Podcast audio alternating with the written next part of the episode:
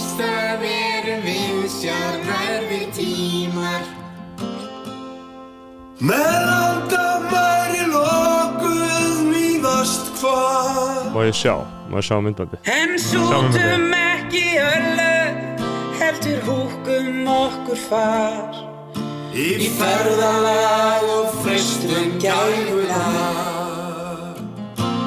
Góða ferð, góða ferð,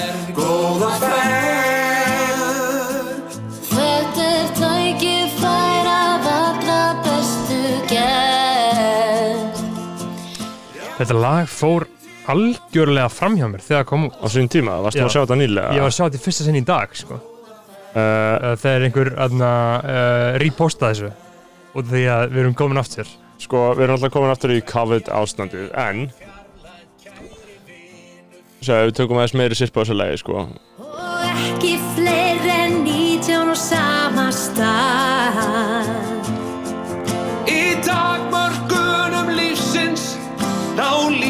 mér best á það Að Breiða mér í ilm og lífa. Góða ferð, góða ferð, góða ferð. Þetta er heimaspæð allra bestu gerð. Og við elskum svona stund. Ef við lækkar því svo ekki Sko, ég, þetta er viðbjöður Þetta En- er rosalega, rosalega mikil viðbjöður sko. Já, þetta er algjör viðbjöður En Þegar ég horfði á þetta sín tíma Þá fór þetta í ákveðna strengi í hjartanum mínu. Eða það, Já, ert þú að segja að þú finnir ekkert? Ég er að segja að uh, eitthvað sem, að e eitthvað sem ég hef svolítið verið að hugsa um upp á síkastíð Íslenskt tónlistafólk. Já, Íslenskir tónlistamenn. Já, já. Ég er svo rosalega aftengtur þessu öllu. Ég, ég bara, ég tengi ekki við íslenskt tónlistafólk Nei, nei, ég heldur ekki að því að ég, þú veist, ég hef engan áhuga á listinni Nei, nei, nei, e- einmitt En svona íslenski leikarar Ég fucking, ég elska það, skilur Ef ég myndi sjá svona legacy íslenska leikara Unga, sem gamla Væri bara vá, bara djú Elska þetta fólk Þetta er svona En íslensk, íslensk tónlistafólk tónlista, Tónlistafólks klíkan er svolítið að Því að tónlistin er svo gífurlega léleg Og ömuleg sem þetta fólk framleiðir. Mm Sem Sko- ég held að sé svolítið málið, sko. Og, og ég, ég líti ekki á það sem alvöru dæmi skilur þannig að auðvitað Ég líti ekki á þetta sem list, sko. Nei, en, en sko ég er að segja samstæðan ég er sökkar fyrir ég er sökkar fyrir konseptinu En, en, en au- auðvitað var ég ekki að segja þetta um sko alla tónlistamennar sem eru í þessu En töluverðan hluta, sko. tónlistamenninni sem koma fram eru Birgitta Haugdal, Friðrik Dór, Glói, Greta Salome, Haffi Tempo, Haldur, Haldur Gunnar Pálsson, Helgi Björnsson, Hildur Vala Einarsdóttir, Ingo Viðugur, Jóhanna Guðrún Jónsdóttir, Jón Gunnar Gerdal, hvað er hann að gera? Það sá mikið king. það sem ég dáðist aðalega að var í þessu tilfeiki tilfeiki náttúrulega framleiðslan þau byggu til lag og vídeo kliftu þetta allt saman settu þetta allt saman Hver, hver ætla að hafa gert þetta? það var einhver mistari sko og það er frekar fokkin mistarlegt þau eru svona 40 að í endan í hópsöng sko Já, þetta hefur verið erfitt, sko. uh, til þess að peppa þjóðina upp á erfiðum tímum og erfiðu tímanir eru að einhverju marki komnir aftur og Mhm. þó, ég meina við erum að taka hérna upp á sunnundi kl. 13.54 ég er náttúrulega með hugan við það svolítið að fundur mun hefjast kl. 2 ég var að fatta það, við erum að fara að taka upp á meðan fundurinn er, Einmitt. þá horfum við bara fundin eftir Hvað er það að fara að segja á þessum fundi? Við þurfum ekki, svona, við þurfum ekki hugsa um það. nei, við þurfum ekki að velta því fyrir okkur sko, en, Nei, nei. en uh, enda er þetta líka alltaf svo þetta er, svona efni er rosa fljótt að vera gamalt ef einhver er að hlusta þetta eftir tvær vikur eða eitthvað Já, já. þá er maður alltaf hlægilegur í þegar stóra samvikið liggur fyrir Mér finnst það sem nátt bara skemmtilegt, sko. Já. Að- hlusta á eitthvað gamalt. að hlusta á sko. klúlest fólk þetta heitir náttúrulega, þetta er dramatísk írónía þú ert að hlusta á leikendur á sviði og vit, þú veist eitthvað sem þau veit ekki og þetta er aðal punkturinn í að geta hort á sögur því líður eins og þú veist, þú Einmitt. veist meir en, meir en leikendundir um, ég var eitthvað að hlusta á einhvern gasa um maður er alltaf að fá svona ógislegar Facebook auglýsingar um eitthvað svona masterclass uh, farið þetta líka ég, Ekki, ekki lengur, ég var mjög mikið í þessu á, uh, þú veist, ég, ég fekk þetta mjög mikið fyrir einhverjum, nokkurum mánuðum sko. ég held að það hafi verið byrjun COVID allir þessu komin aftur út og COVID kom aftur eða? ég veit ekki en, en þeir, það var eitthvað svona playwright sem- sem skrifa West Wing og, og Ar Aron Sorkin, uh, getur, kann að vera. Hann skrifaði West Wing og Social Network já, hann og, skrifa Social Network já. og alls konar það. Og hann er einmitt svona höfuðpaurinn á baku þetta masterclass dæmi sko. Og hann var með eitthvað rosalega innblásturslegt myndband þar sem hann var að segja við eitthvað fólk eitthvað gas, skilur eitthvað algjört gas. Þetta er svo mikið draumagas, þetta er alltaf um eitthvað drauma og fylgja ykkur eftir. En, en einhver síður auðvitað sko er þetta aðtilsvæst að því að svona er auðvitað ekkert nema bara handbragð eins og hvað annað, þú verður bara að læra að skrifa handrit að hverju sem Mhm. það kann að vera hvort sem það er skáld, skáldað efni eða eitthvað annað. Og ef þú ert með eitthvað eins og harmleika drama almennt þá verður að vera með uh, einhverja svona líkil uppbygginga þætti Já, þú veist, það er ákveðin fræði sem þú þarfst að kunna Já, Og og, síðan- og, sko ég raun að vera þegar þú ert með mótalið og þegar þú ert orðin handgengur því að skrifa efni innan einhvers ramma þá getur Mm. alltaf orðið rosa góður í því sko, af því að þetta er bara þekking sem þú hefur Já, upp, á þessu marki og síðan er það Og svo er það spurning um listrænt dýpi. Ímyndunarafl Já. og listræn, listræna Og- getu, hvers og eins og, og, En- og hugmyndaf, hugmyndaflug og, en, en þú veist þessi grunnþættir Mér- eru bara þú veist, þú átt eitthvað, ásetning hjá einhverju hetju og svo Já. átt eitthvað sem kemur í veg fyrir ásetningin Ég langar einmitt að læra það og ég var að hugsa um að skrá mig á aðna, uh, endurmöntun um námskeið Já. í að skrifa kvikmyndahandrit einmitt. Af því að- 27. september á mánundaginn og Hulda Breiðfjörð er að kenna það. það er hljómar aðtilsvært af því að ef þú, ég held að einmitt, ef þú lærir þetta því að Þú þú, þú, þú, þegar þú skrifa handrit á sjónsátum og kvikmyndum þá notur ekki Google Docs sko. þú þarfst að vera með sérstætt forrit til þess skilur. af því að það er svo mikil uppbygging þú ert að segja, þú veist, þú þarfst að lýsa þess á svo allt annan hátt en þú skrifar eitthvað vanlega já, og ég, ok, og ég já. væri til að læra þetta af því þegar ég reyna læra að ge- sérst enn formlega Já, af því farveg að þegar ég reyna að gera þetta sjálfur þá bullshita ég bara og einhvern veginn, það meikar ekki alveg sens að því að uh, ég var aldrei sínt neinum um þetta, skilur, Já, en ef ég myndi sína einhverjum um þetta sem að myndi vita hvernig handrið er að virka já, og getur reynd að móta það eftir handrið sem að lesta á netinu, það er ekki alveg hægt að ég, það veltur allt svo mikið á hvað sögur það segja, sko, þannig að ég væri rosalega mikið til í að læra, sko, og ég get ímynda mér að ég get ímynda mér að ef þú ert með, grunnstóðin ef þú ert með eitthvað handrit eins og kvikmynd til þess að get, til þess að það geti síðan orðið forsendan fyrir sko einhverju meira hátta framleiðslu og það þarf það auðvitað að vera á skýru og skiljanlu tungumáli sem allir skilja þú veist, það er þess að hvernig allir raðað upp á senunum og svo framvegis. En síðan er það eitt og hitt er bara að skrifa uh, að þetta er náttúrulega ekki bara að skrifa skaldskap sko, en, en það er magnað sko hvað maður fattar ekki, þú veist, uh, sá sem skrifar eitthvað kvikmyndahandrið eða skáldsögu eða hvernig sem það er, veist, það, það þarf ekki að vera einhver snillingur, það þarf bara að vera einhver sem kann að gera þetta Mhm. þú veist, mér finnst minnsta máli í öllum heiminum að skrifa blaðagrein eða viðtal eða, eða frétt, bara að því að ég hef gert það nokkur sem skilur, Mhm. en það, það getur vaksið einhverjum mjög í augu sem hefði bara ekki fengist við slíkan texta en, en eins og það, það væri ég myndi vera rosa kvíðin yfir að þurfa að skrifa frétt núna því ég, hef ekki gert það í tvö ár Já, skilju. Ég gerði það þegar ég vann eitt sumar á vísi þá skrifaði ég mikið fréttum og svona, það var erfitt fyrst, fyrst í mánuðurinn skilur, Mm. þá leið mann alltaf eins og maður kunni ekki neitt en síðan verður þetta bara rosa mikið vani sem að segja sko. uh, en núna ef að ég ætti að gera aftur núna þá myndi ég svona oh shit, alltaf efast um allt já, já og hugsa að það vanti þetta, það vanti hitt og þetta er ekki nógu gott þarna Svo maður svona- einhvers, einhvers stundu Eh, komast þú- upp að læna þú- það sko þú, maður, maður getur léttilega að missa þetta niður sko. um, Sko, En já, við vorum að tala um Ar Ar Aron Sorkin og Masterclass, sko. Hann er að gefa út þarna, uh, hann er, ég held að segja leikstýra sinni fyrstu mynd, sko, núna. Hann er að já, skrifa já, hann á leikstýrinni á Netflix, kemur út þarna núna í lók oktober, sko. Og ég fíla hann ekki sérstaklega, sko. Hann er, hann er svona freka mikill nazi, sko. Já. Hann er svona Joe, Joe Biden nazi, sko. Guður, Joe Biden maður Og þarna, en hann er, hann er að gefa út, sko, mjög áhugaverða uh, kvikmynd beint á Netflix rosalega þetta sé bara komið allt beint á Netflix og alltaf eitthvað in select theaters.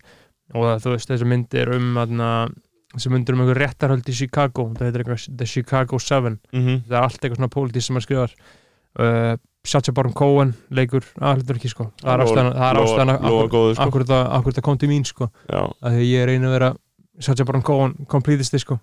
Hann er líka frekar mikil king. Er, Þú veist, eru menn Hefur nokkuð verið varpað einhverjum skugga á kingskapin Kingskap Sacha Baron, nei. Uh, er hugsaðast að það er einhvern veginn Það er engin örugur skilur Maður veit aldrei hvernig menn eru hættir alltaf að vera kings, vera kings. Já, já, þú veist uh, hver er náttúrulega bara ákveð það fyrir sig sko. Síðasta sem ég man eftir á hann var þegar hann við Facebook. Já, hver, hann er bara fucking snillingur. Mm. hann er bara mestari Bruno maður allt sem hann hefur gert Bruno og Borat og Ali G. Og hérna Dictator, ég hef ekki hort á hana Nei, ég hef ekki sér Dictator Nei. En myndi sem hann gerði hann The Brothers Grimm Já, hún var episk. Þeir voru mjög eitthvað Já. að reyna að hakka hana í sig En og, hérna, Brother Grimsby. og, og, og sjómanstættin sem hann gerði This is America já, það, oh Já. my god Það var gæðið líka og síðan, þú veist, og, og síðan náttúrulega leik hann uh, hann leikur aðhaldverk og exec producer uh, seri á Netflix sem heitir The Spy sem, mm, sem, ég hef ekki hort á það sem ég horfði á og það er raunverulega fokkin gott, stuff. ég kannski hef ég talað um áður í þættinum, ég held ekki en það er sko um að Ég held að hafi talað um áður. ég, Ég nei, veit það ekki. nei, ég held ég hef ekki talað um því þættinum sko. mm, en þannig það er um sem sagt uh, Ísraelska njósnara mm uh, og, og hann vinnur í Mossad, mm Ísraelska CIA og hann í rauninni vinnur sig upp í Sýrlandi og hann fer sagt, til Sýrlands sem njósnari fyrir það er Ísrael og Sýrland eru í stríði eða þeir eru ekki ennþá í stríði, ég þekki ekki alveg þá fer sagt, þessi gaur uh, Eli Cohen undercover til Sýrlands og vinnur sig upp í það að verða bókstælur varnarmálar á þeirra Sýrlands. Sem flugumæður Já, og hann er í Ísraeli og hann bara kemur hann og þeir bara feika hann eða ógst mikið pening og hann bara vinnur sér inn í alla valdaklíkur og kemst inn í allt og bara gerir allt rétt endar á því að vera varnar málar þeir. Og þetta En er sönn saga, þetta er byggt á, þetta gerðist í alvörni en, en, ykkur 70s en sko narratífan hlýtur að vera svolítið pró-Ísrael í þessu. Maður er svolítið með Ísrael í liði í þessu ekki, ekki, mm, þú veist maður, já, já. Æ, ég veit ekki, þú veist, Uh, að það eru einhver allan eitthvað svona yfirborðsnúans en já, já, já, já, náttúrulega Sacha Baron er sko, hann er, hann er gyðingur Já, sko, að það. en hann er samt ekki pro-Israelite sko, þarna- ekki síðanesti En þarna um, Nei, nei, það er Ég finnst þetta að frétta í því ég er mikill Sessa Baron Cohen maður en það er örgulega, ég man bara eftir þarna í í um, þessum þáttum um bandaríkinn This is America.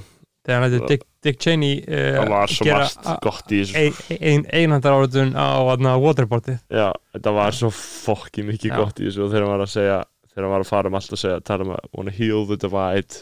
Já. svo, svona fígúra þú veist og tala um þetta divide eitthvað svona ógeðsleg vinstri já, já. lufsa. Svona E- Ezra Klein, Brunt Haley sko. Og hefur svo öfu áhrif skilur já, og þú veist, vill ekkert í alvörunni heal neitt divide, Já, hann vill ég- bara vera polarized Já, mér finnst eiginlega ekkert vinnara en sko hvað er svona alvöru uh, kom, kom bandaríski kommunistar svona eins og Chapo Traphouse og Citations Needed hata Ezra Klein Já, með bara hverja einustu frumu í líkam sínum. Sæti þessu snýtitgörðunir eru mjög ósangjarnir við Ezra Klein. Já, uh, af því að ég áður en ég byrja að hlusta Ég það, þá að fíla ég hann sko. þú dast inn í ákveðin svona liberal lúpu þarna sko það er svo fucking fyndið hvað er hatan með blóðin í sér sko. Já, já, en það, þú veist, er þetta þetta er körst orra Já, já. svona fólk sem tala eins og þetta Mhm. fólk skilur En Vox er samt góða fjölmiðl sko. Já, Það- já, veist, mörg góð YouTube-myndbönd og ég lesi þetta alltaf greina á þeirra já, ég, já, ég, meina ég ég, horfi, fylgi horfi, mjög mikið með þeim á YouTube sko. horfi mikið á Fox News líka skilur og mér finnst það bara líka fýtt miðl eins og Þannig að ég vil svolítið mikið að minn maður fari fórstaframbóð sko. Tökkar, Tucker, Tucker Carlton, já, Það er, þú veist, hann á YouTube með þessa klippur, þú veist, það er bara, hann er sviðslistamæður, sko. Já, þegar, hvernig hann talar og maður er að horfa á hann ég bara þú, það getur ekki verið að vitsmunni þínir séu þannig að þú trúir því svo að segja. Það er ekki fræðilegur möguleiki. Mhm. sér ekki hverju þetta er? Þannig að uh, Jú, 100% sko, ég, ég, ég veit hvað þetta er sko, ég reyna að finna eitthvað gott sko, gott til þess að spila sko, Gaur, þú getur bókstala að spila hvað sem er á YouTube, ég skal finna eitthvað gott fyrir þig á YouTube. Uh, ég held að fólk fatta ekki hvað tökkarinn er mikill fucking svívirðilegur king sko. Uh, og hann er, þú veist og hann er bara eiginlega fullblón nazisti sko. Já, uh, hérna, Tucker, President Trump's hope for re-election tonight. Not many people are saying it out loud on the right, but the fact is that President Trump could well lose this election. In fact, unless fundamental facts change soon, it could be tough for him to be reelected. If the president does lose, that would mean that just a few months from now, Joe Biden would become the president. The United States government would muni fall under the Ég held að control of the radicals who control Joe Biden, and they will remake the country. radicals Now, we're Yeah. fully aware that virtually nobody watching this show tonight wants to hear that, but it's true. And key people around the president know that it's true. They've seen the numbers. They're concerned. At some point in the future, historians will marvel at the fact that the president lost ground during a pandemic and then during mass riots. Both crises should have highlighted his strengths. They were naturals for him. Alone among national leaders, Donald Trump warned Americans for decades about China and the perils of globalization. Everything about the Wuhan coronavirus proved Donald Trump right. China really is our main global adversary. The Chinese government really does want to take over the world. Meanwhile, the fact that we sent our manufacturing base abroad really has weakened us badly. The most powerful nation on earth no longer makes antibiotics. Maybe we're not as powerful as we think. All of that is very obvious now after the pandemic. But stjórnmálum Donald er Trump svo mikið rætt um innlenda voters would reward him Yeah. for that. You'd think the riots would have increased their support for him. An awful lot of people voted for Donald Trump precisely to avoid a moment like the one we're now in. None of this arrived suddenly. We saw it coming. Social cohesion in America has been eroding for decades. People sensed that. It made them nervous. It should make them nervous. Donald Trump seemed like insurance against the consequences of that. The core appeal of Trump was if things ever started to fall apart, he would defend you. Yes, he was loud and crude. Most bodyguards are. Sko, ímynda er uh, að vera bandarískur Mm. að búa í bandaríkunum og þurfa að lifa við þetta mm Já, já. þurfa að lifa við bara Trump þetta er, og bara Joe Biden skilur. þetta er það sem er kallað og heitir uh, ákveðin sko, þetta er pólitísku veruleiki sem þau bara lifi í. Já, út af því að þú veist, fyrir okkur er þetta smá fjarlægt. Það hefur auðvitað áhrif ég lít bara á þetta, þú veist, ég hóri bara á þetta sem eitthvað svona uh, spil, sko, þú Já, veist en þú veist, þetta er bara raunverulegur raunveruleiki bandaríkjumanna Mhm. og náttúrulega heimsins af því þetta er já, já, Bandaríkin eru- uh, þú veist, En- þau hafa ítök út um allan heim og öll þeirra menning smittast út á okkur og þú veist. Já, já, við erum, ég meina, þú veist, og þetta eru, þetta eru mjög öfga, þetta er mjög öfgakent, en við þurfum samt að lifa við það að bara, þú veist, Sigurður Andersen sé hérna að gasa nasismánu og ok, að tala mjög skringilega, Já, já, finnst mér, hvað, er- hvað er hún búin að segja? hún bara tekur alltaf, bara alltaf versta teik sem er hægt að taka, Já. Þá er hún með það á hreinu. Mhm. Hún var að segja í Silfurinn í morgun að það væru, að Ísland væri að taka við ómörgum flótamönnum, uh, Hvað, er- hvað er rauk gefum fyrir því? hún var alltaf dásmálar og hefur einhverja einsinn inn í þetta kerfi og bullar eitthvað um skilur flóttamenn versus hælisleitendur og hvernig hlutfalli þetta á milli er og hvernig Mhm. flóttamannakerfi er einhvern veginn að standi við fyrir því að hælisleitendakerfi sé funksjonelt og ég veit ekki hvað hvað en þú veist, hún tekur alltaf verst að teki heimi en, en ég horfa á það bara, ég já, ok, wow þetta er bara eitthvað sem einhverju fólki finnst greinlega á einhverjum tímpúti að því hún er með að færa atkvæði. En að því að hún er náttúrulega uh, disgraced. Já, hún var dómsmálar á þeirra já, og braut lög með því að skipa rand í braut lög en stag, sagði ekki af sér úr flokknum heldur steg bara til hliðar sem dómsmálar Já, já, og það bara er það, er það kjöru fulltrúi sko og nýtur auðvitað tröst sem slíkur uh, sko hjá sínum hópi væntalega Já, en hún braut lög og samkvæmt þar að segja úrskurði Marretti Dóstósarfum yfirdildin á held ég eftir að fara yfir það nákvæmlega en hún braut lög og hún bara skipaði ránt í embætti uh, fylgdi ekki reglum sem voru settar um það. Og það er náttúrulega mjög alvarlegt að skipa í dómara embætti með einhverju sketsi hætti það er svona tekið alvarlega hún skipaði bara einhvern vinsinn Uh, nei, já, ég meina, og skipa vinsinn ekki vinsinn, hún allan að það var, þú varst hún fekk eitthvað lista af 15, uh, skiluru manneskjurum sem átt að vera hæfar í þetta nýja dómstig Mhm. sem var landsréttur Já. uh, og einhvern veginn skilur tók hún fólk upp á listanum sem hafði ekki verið talið hæfara en fólki sem var ofar. Og síðan alltaf kemst þetta upp og Já, ég held að hafi nú svo sem alltaf bara leið fyrir hvernig hún fór að en síðan var bara komist að niðurstu um að þessi aðferð hefði ekki verið lögumætt einmitt, mér er svo áhugavert anna, Það var held ég ekkert baktjaldamakt þannig svo ég viti sko. Nei, nei, mér er svo áhugavert hvernig svona fólk uh, eins og hún, uh, eitur dvergurinn sko, að hvort akkur þau get ekki lært af niðurlægingunni sinni mm. skamma sín, skilur Ég að mí, mí, mínir helstu lardómar uh, í lífinu hafa komið út frá niðurlægingum, skilur Já, bara mín skýrasta minning var þegar ég var í frostaskjóli í 8. bekk og graffaði á sófa, já, takkaði á sófa bara gerði takkið mitt á sófa inn í Mhm. frostaskjóli, bara með penna um, síðan bara tveim, tveim klukktími setna, gefum bara gaurinn sem var að vinna, vinna í frosta, sævar og bara stúa, graffa á sófanum Mm. bara svona já, hve- hvernig þessu, bara ég bara þekki það, bara, á- á hverju stað þessu? Ég bara svona ég veit það ekki, veit ég hverju ég gerði það. Og hann bara svona öskra á mig í tvær mínútur skilur, þetta var ekki alltaf leið og þetta er svona, þessi niðurlæðing situr svo djúft í mér Já, að, þú veist, að, ég graffaði aldrei aftur á æfuminni eftir þetta. Nei, nei.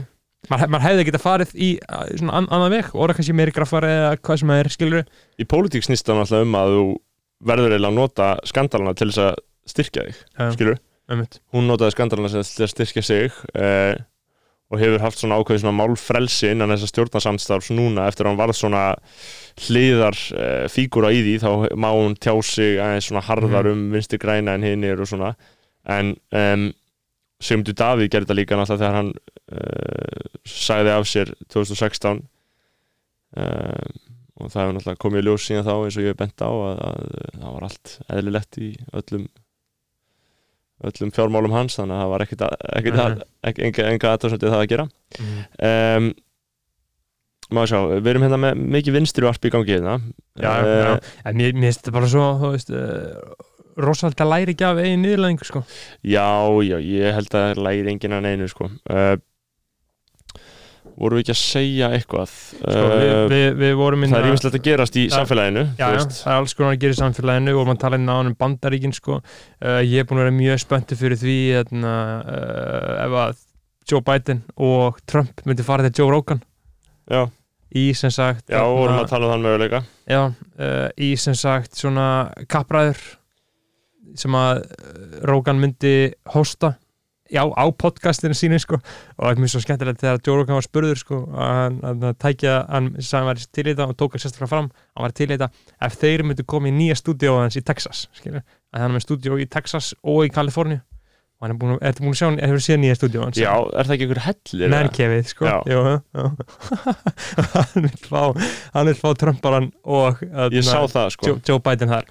Og það sem er svo fyndið mér langar svo raunverulega mikið að vita hvað er teimans Joe Biden að hugsa um þetta skilur, að að Trump er búin að segja já skilur, Trump, Já. Trump svaraði tweetinu bara strax, yes, I will do it. Hæri sko að er búið að vera að segja sko Það er ekki sens að Biden verið hlift í þetta.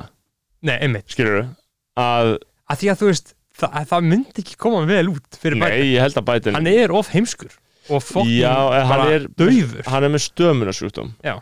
Hann er... Nei, nei hann, það, það er náttúrulega bara, hann er bara sínæl sko, þessi stöðmunarsjúkdómi var bara búin til af kampænunans til þess að afsaka hann er, hvað hann liður að tala. Ég held að þetta, ég las einhverja Atlantic grein um þetta og þetta er alveg stöðmunarsjúkdómi sem hann hefur glimt við alla æfi og er bara alvöru, þú veist, hann er bara, ef ég var að reyna að segja þetta, þá gerist þetta bara mm -hmm. og þetta er bara að stama, skilur við, mm -hmm. uh, og hann stamar bara í alvörunni, hann getur og svona stöðmun... Hvað er þá reynið að vera fórseti? Ég, maður spyr sig, stömunin stömun, altså, stamarar þetta er rosalega aðtilsværi sjúkdómur. Þetta er náttúrulega hræðilegt fyrir þá sem Já. eru með þetta. Um, en það er hægt að vinna bug á þessum í einsum leiðum eða sko ekki vinna bug segi en halda þessi skefjum. Til dæmi sko uh, þetta fólk á ekkert erfitt með að lesa beinan texta, það er bara, þú veist, það er bara á fyrstu, tu- á, fyrstu árum 20. aldar komið nokkur skáld fram á sjónasviðið eða, eða ef þau ákveða setningar, eru búin að semja setningar í hausnum, þá geta þau sagt hana en stamið kemur þegar þú þarfst að hugsa eitthvað ég. og þetta er eitthvað Já, svona líkamleg hræðileg og ég er ekki að tala vísinda, vísindarlegum grundlega um þetta en, en ég las þarna grein viðtal við hann Mhm. af einhverjum gaur hjá Atlantic sem er sjálfur stamari og þetta var mjög liberal og ógíslegt en þú Já, veist, já, ég, meni, ég held að þetta sé bara að þau hafi bara hugsað bara, ok, hann er ekki nógu góður að tala uh, já, já, förum að uh, ítum á, ítum á þessa punkta Þess, Trump, Trumparinn myndi fokkin ger rústa. Biden í hjá Joe Rogan sko. og Rogan En- gæti ekkert haldið honum í skefjum sko. Nei, nei, en, en, en Rogan myndi náttúrulega vera sko, veist, uh, með Joe Biden liði sko. ég myndi að hvað þetta væri skemmtilegt efni Já. ég myndi ég myndi, þetta er svona þannig að það er svona sönd mandrest efni, sérstaklega þegar maður var yngri sko, maður var það spenntur fyrir að maður vakti til fjögur á nóttunni til að býja því skilur, Mhm. ég myndi kannski gera það fyrir þetta sko, um, en eins og þú veist bara, eins og bara þegar kom alltaf kom nýja Dre- ný Drake-plata sem var frumflutt á OVO Sound Radio skilur, Já, þá var ég bara vakandi til átta um morgun sko hver er andskotar mætli fokkin ný dreikplata komið maður? Í Ætli hann vil ekki gefa út uh, í COVID ástandinu eða vil ég bara droppa, þú veist? Ég held hún sé svo sem allir sama sko hann lítur að geta droppað einhverju svona einhverju viljandi einhverju sem verður svona kvarantín með mím eitthvað ógeð Já, skilur, já, hann, og hann, Slide, hann, hann, hann mun gera eitthvað og þú veist, og mér finnst þessi fyrsti singull no, nok, nokkuð fín, sko. Sem er Þannig að einmitt. þú veist. Já, hann er frekar ferskur sko Já, já, mér finnst- það bara fínt sko. og þú veist, þetta er alltaf bara eins og með allar dregblöður svona, uh, eftir, eftir views að það eru skilur 20 lög og 10 góð 5 allt í lagi og 5 ömuleg skilur Já, en ég hlusta samt á þau öll Já, ég, Um, ég, ég, hlust, ég hlust á, á þau svona flest öll sko og margt svona eldist mjög vel sko eins og núna er maður orðin alltaf þú veist Hver, það er Um, sum lög og view sem ég get ennþá sett bara eins og sett á eins og séu bara ferskt nýtt lag sem ég elska sko. Já, já, þú veist Dúnastu störp og þú veist endarastu sitt sko. Já, og bara mö- mörg lög svona slíparandi sem eldast mjög vel sko. Og maður, hlustar á hana eins öðruvísi núna í dag sko. Þegar maður er orðin fullorinn en þegar maður var aðna, eins og bara take care skilur og hlustar á það aftur tilbaka Já. skilur að svona tengi maður betur við svona punktar hér og þar sko. Views kom 2016 sko. Já, uh, og og mörg geggjulög var alltaf að hlusta því ég var í jafningafræðslinni mm, uh, heila þvótti ríkisins. Uh, og heila þvætti ríkisins. Og ég var alltaf á ringbraut í kjallaranum. Já. Ég man alltaf, ég var alltaf í sturtu á morgnana í sturtunni þarna niðri, Mhm. vatni var alltaf að fucking fyllast í sturtunni. að því að það var mikið hárum í, í hérna renslinu og það var ekki hægt að bregðast við það var hræðilt Það var fucking nasty, maður, maður það var verið 30 seki sturt þá kannski ég tók fucking herðatriðið á þetta á stíplauð og það var ekki ánægilega aðgerð sko. Ég til eitthvað ógslæran sturtur. Ég til eitthvað ógslæran rottan eins og Ari Magal. Það sem kemur upp það er örgulega það ógeðslegasta sem ég veit um er líka views þá var ég ég var alltaf að hlusta á Redemption þar Já. á morgnana, þunglitur að hlusta Redemption, gæðið en, lag en, sko. en, en síðan gæt maður eins og, veist, eins og þetta lag þetta eldist ógislega vel sko. þetta eldist rosalega vel sko. þetta er líka epist Me and all my, yeah, me. Yeah. Me and all my niggas doing well. Doing well, dog. You not from the city, I could tell. I can tell, dog. Did it, did it, did it by myself, by myself, dog. Blew up and I'm in the city still. I'm still here, dog. How did I finesse all of this shit from Jane? sko, þegar að views kom út þá var ég í bókstaflega bestu vinnu sem ég hef einhver tíman verið í á Oddsson þegar ég var að vinna á Oddsson áður en á hóteli opnaði. Mhm. ég var sem sagt að vinna á hóteli sem að var að fara að opna. Þú varst í The Ultimate Loophole. Já, en þetta, ég var í tvo mánuði minni með að hafa verið þar sem ég vann á nætuvöktum við það að sofa inn á hótel Þú skilur, Já. þú veist, ég bara átti að vera 12 tíma á nætuvöktum, það bara, hóteli var ekki opnað, það var mikið af framkvæmdum og eitthvað svona, og það voru bara tveir mánuði lífsmins, ég mætti hann að klukkan 8 horfði á bíómynd upp í rúmi á, inn á þú varst ekki á alls þeirra bíómynda bendur á þessum tíma Jú, jú, ég var miklu bíómyndatímabili á þessum tíma, sko og var bara, þú veist, þá ég að horfa á alla bara Scorsese og Tarantino og Paul Thomas Anderson og alla þessar myndir og Wes Anderson, allt í fyrsta Mhm. skipti, skilur og var bara eitthvað 21 árs sæðismæður að uppgöta þetta allt, sko og ég mætti að ég vinnur klukkan 8 horfði á eina bíómynd fekk mér eiginlega alltaf Subway sem er að það við bara ég fekk hefur haldist vel, það er G-Subway sko. þetta Já, já. er verið þarna sem Nei. ég var bara það er, er mjög gott Subway og ég sem sagt, horfði á þessar bíómyndir og síðan fór ég að sofa. Mm, og vaknaði klukkan sjö daginn eftir og kom einhver og tók við mig klukkan átta og síðan bara fór ég heim. Og, og, og ég, þá byrjaði dagurinn og þú varst búin í vinnunni. Já. það hefði sofið í vinnunni. Og ég var búin í vinnunni já. Þetta, var Ég- var bara eitthvað rosalega loop, loophole lífsmins en Já. síðan alltaf þetta þegar hótelið opnaði þá var ég á nættavættum og þurfti að vera, þurfti að, vera að gera eitthvað sitt sko. það er ekkert sorglega en, en þegar loophole lokast sko. Nei, einmitt, þegar að klíðast, þetta er bara eins og það, þú veist, eins og samherji þegar að vara arðarinn að nafnbíu, skilur, Já. bara fokking mikil já. og síðan bara lokast þetta. við höfum talað um það að, að þú ert að gera eitthvað og þú ert bara, oh my god, það má enginn vita hvað þetta er mikið loophole Af því að þú veist, loopholeið það helgast af vannþekkingu á ástandi. Mhm, uh, ég hugsaði á sín tíma, ég var búinn að sækja um að verða nætuvörður hjá uh, Íslenska erðagreiningu já, já, sem lang- sæmi var ég, já, mér langaði að vinna þarna að þetta hljómaði svo vel. Þetta er bara, ég er bara draumauna, sko. og það eru náttúrulega fordómar fyrir svona nætuvinnu og ég skil alveg að ég kynna að verða já, en, þú veist, ok, segjum að setja skrifa mestrarreitgerð eða eitthvað, einmitt. bara vera nætuvörður Mhm. þú vinnur, sko vaktina voru þú vannst 12 tíma á dag Mhm. í viku og svo fegstu frí í viku. Menn og þegar þú varst að vinna 12 tímana Já, þá varstu líki frí, að þú gerðir ekki neitt. Einmitt, þegar, þegar ég uh, þegar ég var á svona nætuvöttum sko, ég horfði á tvær, þrjá bíómyndir á vakt síðan horfði ég á allt sko, Sons of Anarchy ég horfði á það allt annað sko og síðan las ég líka fullt af bókum sko, ég byrjaði að Sko- lesa aftur hann sko. Ímyndaðu hvað maður gæti lesið mikið já, rosalega mikið sko. Vá hvað ég gæti komist yfir mikið af efni sem ég þarf að komast yfir. Ef ég Já. fengi raunverulegan tíma en maður væri ekki alltaf í fokkin asanum sem er í þessum Mhm. daglegu vinnum sko. einmitt, en maður En- verður kannski fokkin þunglutur en maður fær viku á móti. Maður fær í vika- frí. En, en málið er vikan á móti fessand oftast í hakk sko Já, er manni sagt, þú nærði ekkert að snúa við sólhengnum á einni viku sko. og náttúrulega líka í nútíma uh, vísundunum, þar sem allir er með svefn á heilunum sko. þá er þetta bara það ræðilega sem getur gert fyrir, Mm. fyrir líkamæðin og andlega heilsu sko. þannig að ég held að þarna var ég ekki, þarna var ég svo ótrúlega ómeðvitaður um þunglindum mitt og kvíða minn Mm. skilur, að uh, ég held ég gæti þetta ekki í dag, skilur að því núna ef maður, ef maður aðna, miklu viðkvæmur held ég fyrir einhvern svona svefnleysi og einhver svoleiðis shit, sko. ég held ég gæti ekki farið á nættu vattir á hótel í dag sko. Eða bara ekki sens sko. Það er líklega ekki. Ég uh, fengi geður innan stundar sko. Já, já, já, ég held, Eh. að, ég held að það gerist smátt og smátt sko. En þetta var samt mjög skemmtilegt þarna, uh, þetta, þetta litla tímabil sem maður var í sko. Ég, þetta klassiska dæmið var að, að, að skáldin væru vitaverði til dæmis. Og, og það er náttúrulega illa sko, já, það er epist maður. Það er alltaf ekki þörf á þeim lengur. Vitaverðunum? Nei, það er- ekki vita að vera til lengur sko. Nei, það er verið að eyðilegja svo mikið af góðum tilgangslösu störfum með tekninni já, Þú það er svo mikið af fallegum tilgangslösu störfum einmitt. sem, sem deyja sko. það var einhver sem sagði mér frá ég man ekki hver það var. Raunverulega man ekki, sem sagði mér frá sumavinu sem í, fór út um all land að mála vita. Þú voru, þú á bát. Það var bara einhver úlingavina þú voru bara á bát og keirðu á milli vita allstar bara, Mhm.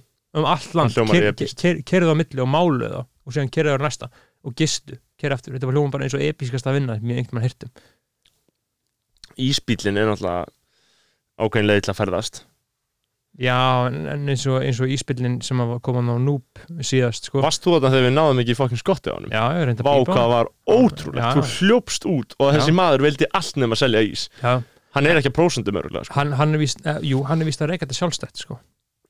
Já, þetta var, þetta var sko, hann í alvörunni kerði ring inn á stæðið og kerði aftur út já, já, já, Það var engin leið að ná í hann mm -hmm. Já, en þú veist, það finnst ég hvað svona fa fantaseringar um vinnur lifa ennþá í manni, sko, ég man ég hugsa ekkert um annað þegar, þegar ég var úlingur, sko en einhver svona episka vinnur, komast í eitthvað gott gig, sko Ég hugsaði henni ennþá, ég er ennþá veikur fyrir Já. svona vinnum. Ég, Já. ég elska svona ég, Og líka þegar ég heyri Þegar að tala við fólk, þá vil ég oft vita bara smáatrið um vinnur. Já. Mér finnst vinnur bara Já, skemmtilegar. Ég hef alltaf fíla vinnur, vinna mm Með vinnu hér og þar. En ég hef nú reyndar ekkert verið í eitthvað rí- gríðarlega fjölblettum störfum sko.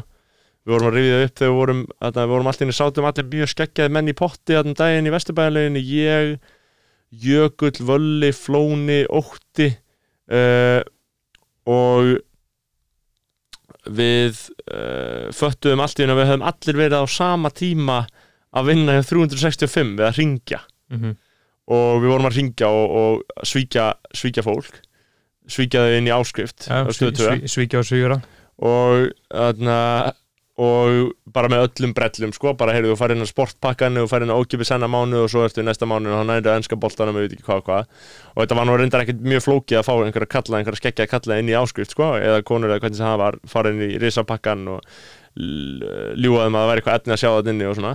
Uh, og við unnum við að, að, að gasa þessu inn á fólk og við, við, við vorum að reyða upp við, við unnum allir á sama tíma og þetta var svo mikið þú veist, þetta var svo mikið skegg miðstöð þetta símaver, þetta voru bara kallar okkar aldri sem eru á slæmum stað en eru samt skilur kannski með einhverja lámars grein þannig ráða við Já. samskiptin og lígina, þetta, þú ætti að vera góður að að vera svolítið samfærandi og við bara seldum svo fokking mikið, ég man að ég á sko einum eða tveimur mánuðum þá bara grætti ég viðbjóðslega peninga þegar Mhm. prósenda voru svo miklar Mhm. en það var að meðan ég hafði ennþá siðferðislega getu og, þólimæði og sko þólgæði síðan, síðan, kulnari, sko. Já, og síðan bara fokkin byrjaði þetta að geta hjarta mitt að innan og því fattaði bara, já, ok, þetta er bara aftur að sama. Svik, svik, svik. Mm. uh, og ég fattaði þarna að sko öll sölumennska er í grunninn svik, alltaf. Að selja einhverjum eitthvað eru svik. Uh, en þetta er samt svona samkomulega sem við höfum öll í samfélaginu. Þetta er bara Já, svo bandarækin heim- heim- heim- scamming each other, skilur já, já, já, bara allir eru bara sjóðus pocket Já, skilur, og allt er til sölu. Var það ekki svo podcast sem sagði það? jú, jú, Jú. Frank's podcast sagði bara, bara America is just everybody picking each other's pockets. Sko, þú veist, þetta er eins með það eins og bara uh, en þetta er bara eins og þetta er. Það kemur einhvern til mér bara kallmaður vikunar kemur til okkar. Hann er að selja eitthvað skilur Mhm. flesti, Já. flesti kallmaður vikunar er alltaf að selja eitthvað. Og ofta eitthvað svona já, ég skal koma þarna ef það er nýbúin að vera með eitthvað, Já. eitthvað svona, það er alltaf eitthvað. Þetta er eins með þarna uh, ég var að horfa á vikunar með Gistumartinni Mhm. núna uh, á föstudaginn. Gestirnir voru Andris Nær, uh, Anita Brím og uh, einhver kona, ég man ekki hvað hún heitir. Já, alls er að plugg, já, Já, Anni já. Ólafsdóttir sem er með andra nei, nei, nei, hún var ekki hann hún hún, hann hún átt að vera það ekki. heldur einhver aðeins svona el, el, eldri en þau kona ég man ekki, hvað hún heitir, sko, ég veit Ok. ekki hvað hún var að selja eitthvað. Ég horf ekki á hana þátt, ég veit ekki hvað það var. en Högni var líka Mhm. Högni Eiríksson Já, já, var, var, með var, var, að syngja.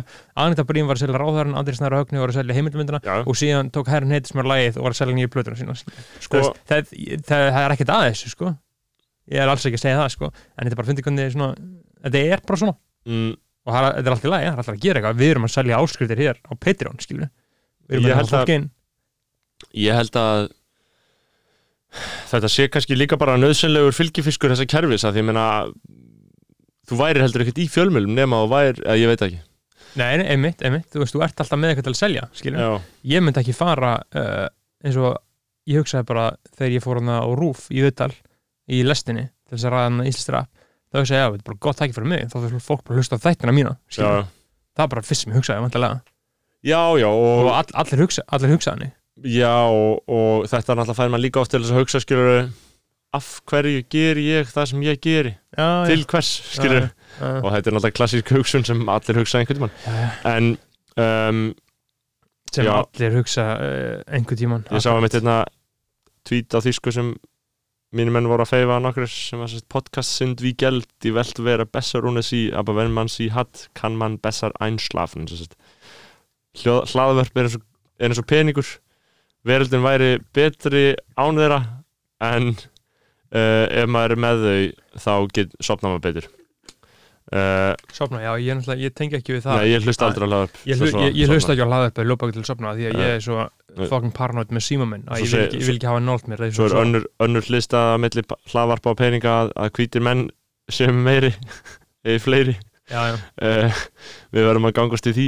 Já, En- við því sko en ég, ég, ég meina þú veist, ég er þegar fólk spyr mig hvað ég geri podcastari ég er bara, já, segja Bergþór Másson podcastari Já. það, er það sem ég geri það er ógeðst að Já. sko. ég nefnilega kemst svolítið hjá því að segja það Já. sko. ég þarf eiginlega ekki að segja það ég er bókstaflega podcastari skilur. ég get sagt blaðamaður Já. ég vil nota það almenna heiti sko. Já, já, ég, ég var anna, á fréttinu hann rúf, þá var ég tillað þessu blaðamaður. Okay, og mér langaði til, ég fílaði ekki sko, ég, en ég nefndi ekki að senda en, en þú ert heldur ekkert blaðamaður. Ég er veist, og að vera blaðamaður það er svolítið identity skilur þá ertu uh, mjög þunglindur Já. og líður ótrúlega illa og ert svona frekar bitur út í samfélagi sko. einmitt. það er, það, það er en, en, en, en fjölminnamaður þá ertu svona jolly Gísli Martin fjölmiðlamæður, það er alltaf svona konur eru mjög oft kallaðar fjölmiðla konur já, já, já, en kallar alltaf blaðamæður já. þú veist, til þess að konur séu kallaða blaða konur, þá þurfa helst að vinna dagblæði sko. Mhm. uh, en fjölmiðlamæður eru nota mikið um rúfara sko, já. um þetta rúfpakk sko. Mhm. uh, en, en þetta er aðtælisverð aðtælisverð hugtakarnótkun sko. ég vil bara vera ég vil bara, ég helst bara, ég vil bara snorum á svona blaðamæð, minnst það fínt já, ég var kallað blaðamærna og það er bara ekki rétt en ég nefndi ekki að en þú veist, en hlað, hlaðvarpari eða hlaðvarpsmaður eða- Nei, mér finnst það bara betra ónætt að segja bara já, podcastari. Blæsaður, podcastari. Þarna, eða, eða gera bara eins og, eins og Egil Egil Ástarsson sagði þetta eins og þetta sko, já, Nemi. bara Egil Ástarsson nemi. Þarna um, það er erfitt að skilgjuna sjálfa sig í þessum ólgusjó sem er veröldin, eins og segjum, við hafa mikið að gerast. Ég er búin að vera ógeðslega mikið á samfélagsmiðlum í vikunni þetta er búin að vera intense vika sko. intense, af því að þegar veira, víri, víri fer aftur á stað þá get ég ekki hægt að lesa Já, upplýsingar. Ég tengi svo lítið það sko. Uh, og vil bara vita allt sem er að gerast. Mér er svo skýt sá. Og uh, Ég vil helst bara heyra þér sko í heitapottinum og heyra einhver aðra að vera að tala um þá og þeir eru ekki alveg viss hvort þetta sé rétt skilur, svona svipum eins og við tölum hérna í podcastinu skilur, uh, og bara fá fréttina þannig bara, já, ég heyrði þetta að vera svona. Já, ég er svona ekki alveg viss en gæti verið þetta. Já, en ég vil vita alveg hvað er rétt og hvað er ekki rétt. Af hverju? uh, Til fokkin hvers? í, í veirumálum. Já. það er bara, mér finnst það bara nöðsynlegt fyrir líkamstarfsemina mína. Mér finnst bara mjög mikið rangt ef ég veit ekki nákvæmlega hvað er í gangi með þetta. Ég er, mér er svo fokkin drullu sama. Núna segir sérst Þóróli Guðnarsson mun leggja til að heilbríðis að krár og skemmtistæður á höfbrukursvæðinu verði lokuð í vikull viðbútar eða út 27. september. Það er eitthvað? Ég meina, mér finnst sko uh, bara svo fokkin ömulegt að sé ekki opið, opið lengur undir 11 sko. Að það er mjög raunverulega fannst gaman að kíkja út hjá með um helgar sko. Á börum, Já. það verður það verður, að mér, að mér fannst ekki gaman mér finnst ekki gaman að kíkja á bar til klukkan 11, þú hittir alltaf neitt fólk skilur, nei, ein, ég, ein, eina sem mér fannst skemmtilegt að vera að fara á djámið var bara að sjá eitthvað fólk sem svona kannast við. Ég hef komið með mjög gott system með einsbjórsleiðina eða tankjabjóra leiðina og vera til eitt eða tvö skilur og þá getur Já. samt bara að fara í vinnu kláðan nýju morgunin skilur uh, Einmitt. það er alveg geggjað sko. Djammið, maður saknar djamsins svo sem sko. Um, en þú veist að tala um að þú ert alltaf enn á samfélagsmiðlum hérna, ég er að fara að stað með nýtt dót núna sko. Nýtt dót hjá mér sko, að ég megi bara fara hérna, fara einu svona dag inn á Mm. hvert sko. Einu sinni inn á Twitter, einu sinni á Instagram og einu sinni á Facebook. Á Facebook, já. Að því að þú veist Facebook og Twitter er ekkert svo hafa ekkert svo mikla stjórn á mér sko, eða þau skilur þau hafa, ég er svo sem alveg háðu ég er mjög háðu Twitter, skilur ég er alltaf að kíkja á gein reglulega 5, 6, 7 sunnum á dag, skilur og lesa allt. En það hefur ekki varanlega áhrif á það hvernig ég hugsa um sjálfa mig, eins og Instagram gerir, skilur og ef ég myndi vilja reyna að manstu þegar ég tók leiðina að mjúta öll stóriðin já, hvernig gekk það? það var bara algjört fjasko sko Já, ég trú því. Það bara var alveg það, me- það, það, mesti rusl plástur sem ég sett á líf mitt sko. því nú er ég ennþá að vinna bug á eða, sko, að láta þetta ganga tilbaka og unmjúta ákveðin stóri en sum stóri er ennþá mjúta sem er fínt sko. einmitt, og einmitt. sen allt í hennu sé ég bara hm, já þessum stóri akkur sé ég aldrei neitt frá það og þá er ég bara búin að mjú- mjúta viðkomandi. Já, já, þetta þetta er smá bara eins og mýmið að svona vasttangurinn með svona vatnið að skjóðast út Svo og svona, var svona psychological trauma og eitthvað depression og það anxiety og þetta teipið og það var weed þannig að það er klassíst sko. Um, uh, samfélagsmiðla ég, ég, ég, en ég, ég, er að fara að stað með þetta. Það sem að ég má fara einu sinni á dag. Ég held að það gæti gengið ágætlega upp ef að ég einhvern veginn svona ég hef verið að vinna með fjóru sinnum á dag sko. En það na, það fokkaðist algjörlega upp sko. Að þú veist að meðal maðurinn er að fara svona 40 sinnum á dag sko. Ég get örugglega séð það sko. Ég vil í alveg ekki vita hvað ég sagði sko oh my god hvað er örugglega mikið. Eða þú veist vita hversu mikið það er. Þú ert að taka upp símaðinn svona 111 sinnum. Gaur, ég geta eins og ekki þú veist, akt, aktiv aktivírungen við fyrir hérna í, sest, í gær þá opnaði síma minn 160 sinnum. Já, 160 sinnum. Opnaði Instagram 56 sinnum. Pælt í því getur þú ímyndar að þú ert vakandi skilur 14 tíma á dag? Já. opna- opnaði Instagram 50-60 sinnum já. 150 notifications frá Instagram. Mm þetta er körst sko. Þetta er raunverulega, en, en málega maður getur ekki hætt hana því þá ertu náttúrulega bara ekki að taka þátt í samfélagi mannina, held ég, held ég. Eru svona mína skoðunir á þessu akkur núna. Mhm. þannig að ég held að eina leiðin til þess að gera þetta er að maður megi bara fara einu svona dag sko. Já, ég, ég, eitthvað, ég þarf að hafa ég, þarf, ég verð að koma böndum á prófa Þetta, þetta, að fara bara einu svona dag. Ég er ekki búin að fara í dag, ég ætla að fara á eftir kannski klukkan svona 5, já, klukkan svona 5 ætla ég að checka. Þú ert ekki búin að opna grammið og slögt á notifications Já, væntanlega. slett notifications. Já. Ég er ekki bara að opna það síðan, þú veist, tíu í gæra eitthvað. Og ég bara finn ekkert svo mikið núna, sko. En út af því að málið er, þegar ég var alltaf að fara fjóra saman dag, ég var með reglan, ég fór á átta og tólf og fjögur og síðan um kvöldið þá, þá gat ég verið svona að fara fimm sinnum Mm. í eitt skipti, skilur, að það er svo oft sem þú ert á gramminu og síðan lokar þið og síðan, að ég er að tjekka þessu. Já, ég, ég fekk náttúrulega, veist, ég, ég fekk notifications að ég postaði þessari mynd þarna um daginn, ég postaði húramyndinni. Einmitt, einmitt, Um, við vorum í, við vorum ekki um að ræða það inn í þöttunum og svo hún heldur flottir á því. Já, já, hún er búin að fá góð, góð, góð viðtökur Hvernig líður með þetta núna? Ertu búin að jafna þig? eða- Já, þú veist, en, en, en eins og það það spæralaði mig í ótrúlega mikið þunglindi sko. Nei, Já, nei, bara rosalegt þunglindi. Já, bara, ég var alltaf að fylgjast með hverju voru búin að læka hvað já, og bara svona obsessa yfir einhverju. Alltaf að skoða hverju voru að læka myndir inn á húrra Instagraminu, Mhm. skilur og bara svona shit sem að, veist, sem að viðkenni var annar ekkert að maður sé að gera, skilur en, Nei, en flestir er að gera. En ég held að ég held að þar gildi góða vikureglan sko, nú er að koma ný vika. Og ég, ég lifi bara viku fyrir viku. Í Mhm. nýri viku þá hef ég ekki gert neitt sem ég hef gert áður, skilur Mhm. Og ég, að því við gefum út svo mikið efni þá verður maður alltaf bara að finna einhverja leið til þess að sko finna sátt, því að annars er maður alltaf að fara allt, aftur yfir sig Mhm. reitskoða sig aftur í tíman uh, og þetta er eins, húrra var í liðinni viku, ég veit ekki leikur hvað það var. Það var Já, einhver já. myndatakar sem við fórum í. Episk, episk myndatakar í raun og veru. bara góð, góð mynd og mjög, gott mjög, samstarfið, góða verslun. Mjög gott lúk og bara þakkir til menn gaggrind okkur fyrir að hafa selt út. Jú, Jú, skil þau það, ég seldi út já, að þessu leiti uh, taktu stóran hefana þér og sett hann upp í rassina já, já ég bara kótaði, kótaði Jay-Z sko I dumbed down for my audience, double my dollars they criticize, criticize me for me but they still yell holla mm. það er svolítið kannski Já. saman. um, við vorum í fínum fötum, við vorum innegn Mhm. um, og verðum ferskir. bara dumbed down for my audience double my Patreon sko. Já, ég meina við vorum líka sætir þessar myndi, ég var sætir, ég, þú sættir í DP á Face ég sett á Insta uh, oh, það er svo ógæslega að tala svona þú veist að tala um svona þarna talaður eins og og við tala um á svona krakkar fættir 01, 02, Mhm. 03 sem tala gett eðlilega um þetta sem hluti ekki Mhm. með skömm að setja inn á Facebook og setja inn á Instagram skilur að því maður er svo vanið að tala um þetta með svona gífurlegri skömm. Já, og svo ógæslega að tala um þetta eins og þessu eðlilega hlutur já ég, þetta er náttúrulega ekki eðlög hlutur. Um, og svo náttúrulega bara hefur maður ágjur af hagkerfuna á Íslandi sko. Ég hef það náttúrulega við erum að fara inn í svo mikla fokkin niðursöflu og uh, kreppu. Já, já, en, það er að, að af, búa til störf. en af hverju það ekki bara byrjað? Það er bara ákveðið lagg alltaf.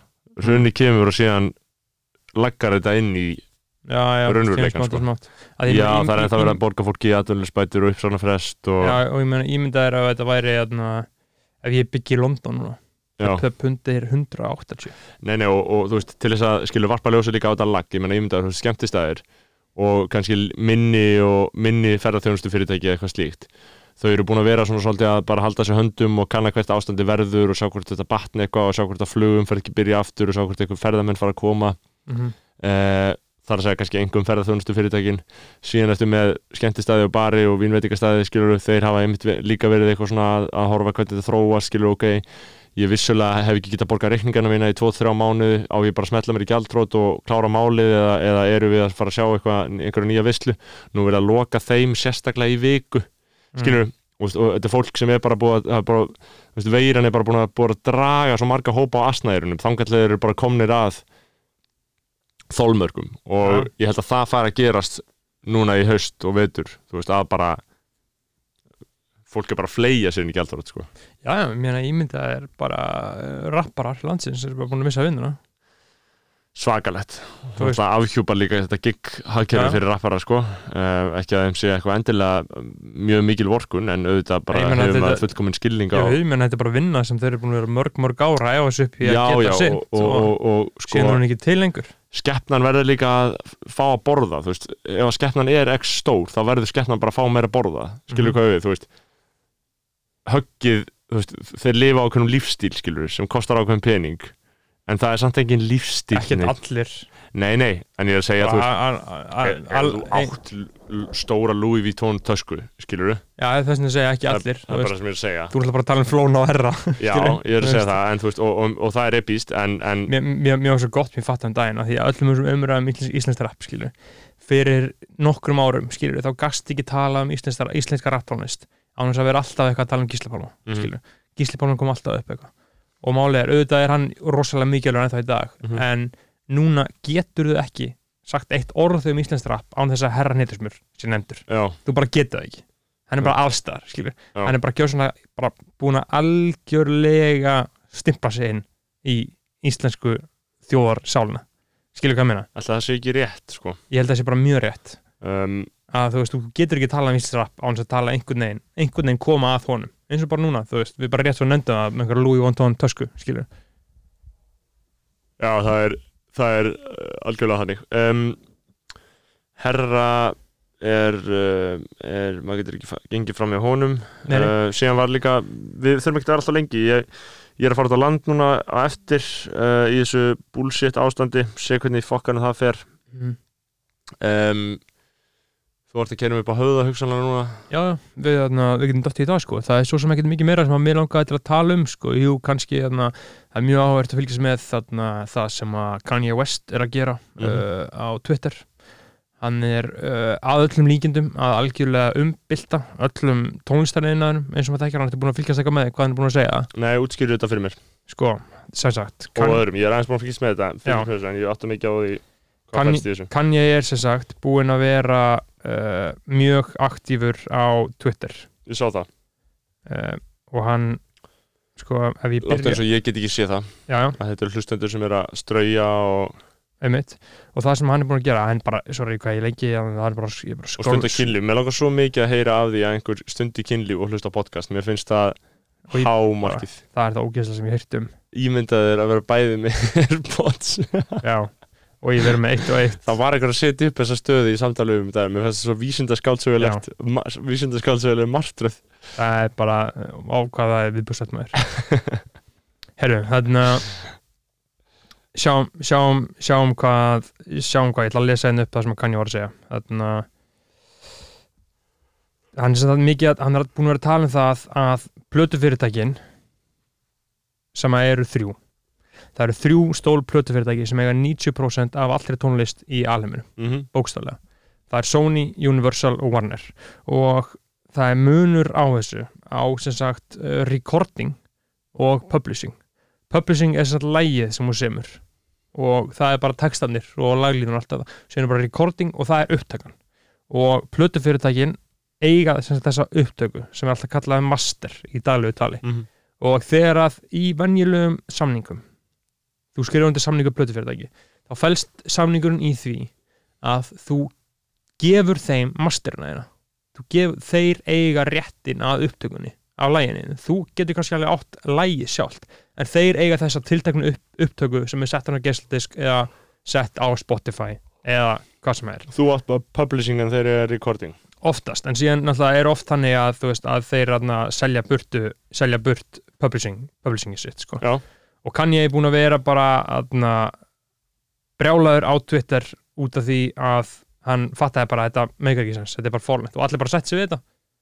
Þetta er bara að stórfyrirtæki eigi öll lög í heiminum, það meikar enginn sens að tónlistamennin fók, eins og bara Prince og Michael Jackson og allir þessi gaurar sem eru bara dánir í dag plötufyrirtækin er að græða pening á því að við séum að hlusta á þá en ekki börnin þeirra.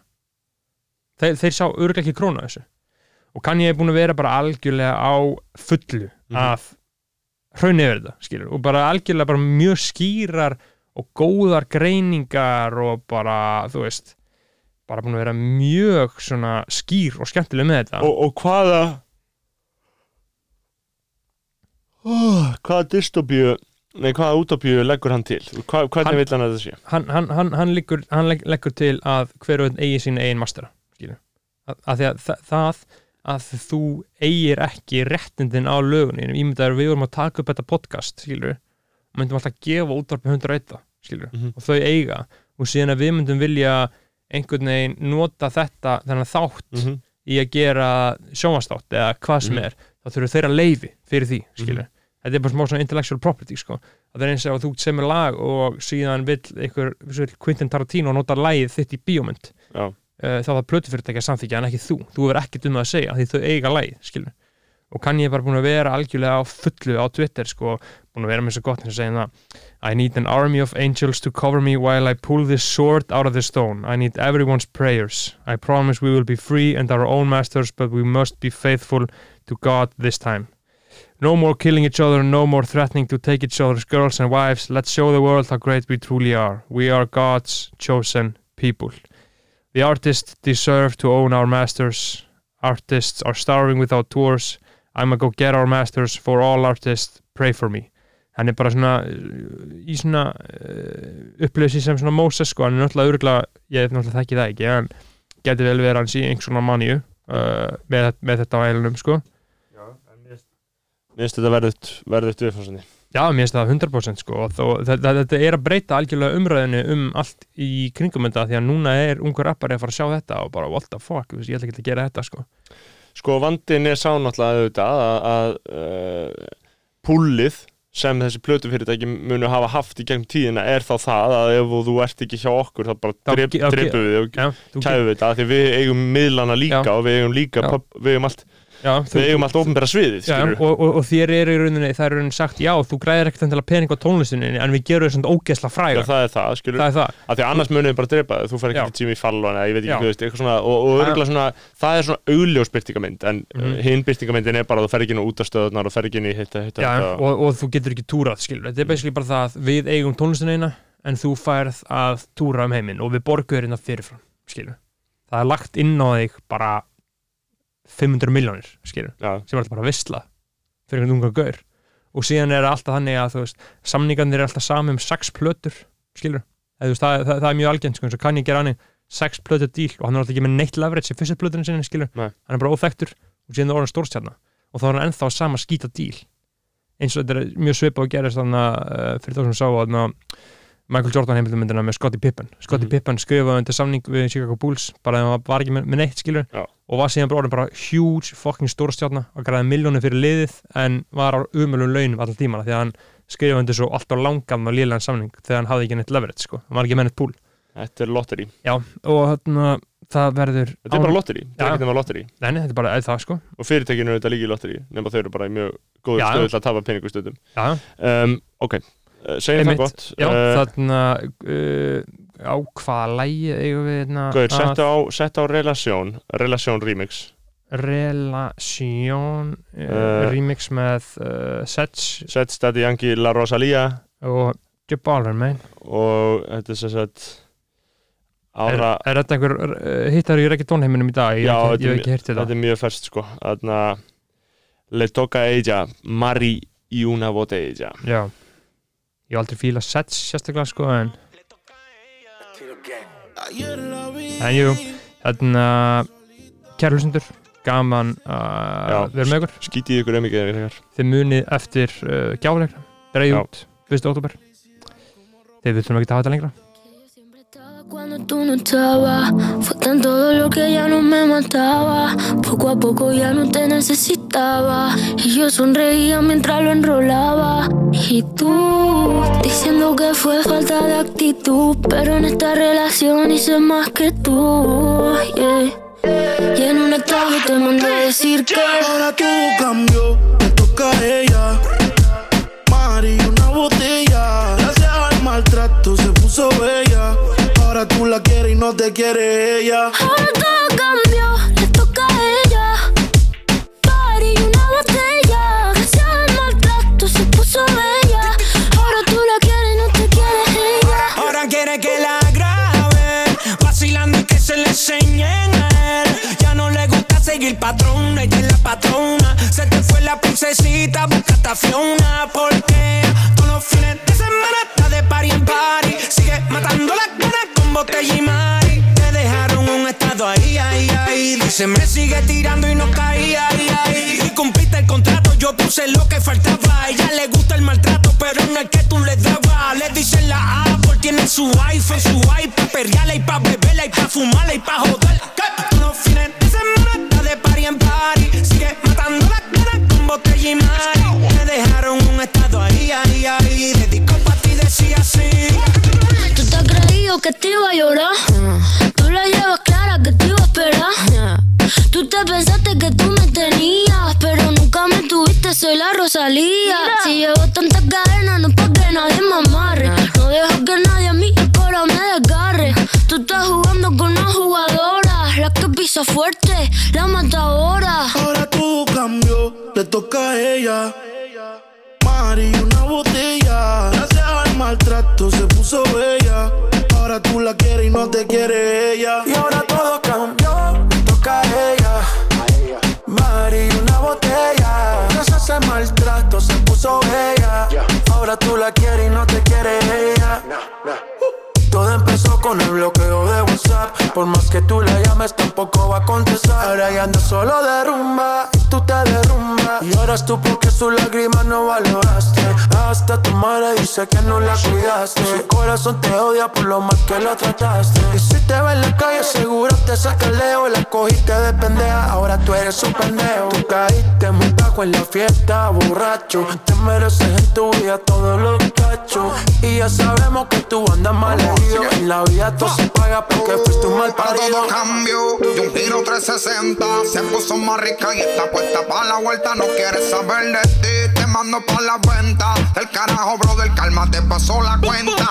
Ahora anda rolling, rompiendo la calle. Se cansó y ya no quiere coro con nadie. Le coge el gusto y ya no hay quien la pare. Ahora está difícil de nuevo que la jale. For, Ahora ella quiere carretera Que ahora más cara está soltera. Baby fuma la noche entera Y le da tremenda loquera. Cuando coge la borrachera Le da cono y se va era. Y le entra la bellaquera Pero no se la da cualquiera. Pero ya, ya, ya, ya For. Ahora todo cambió, te toca ella. maltrato se puso bella.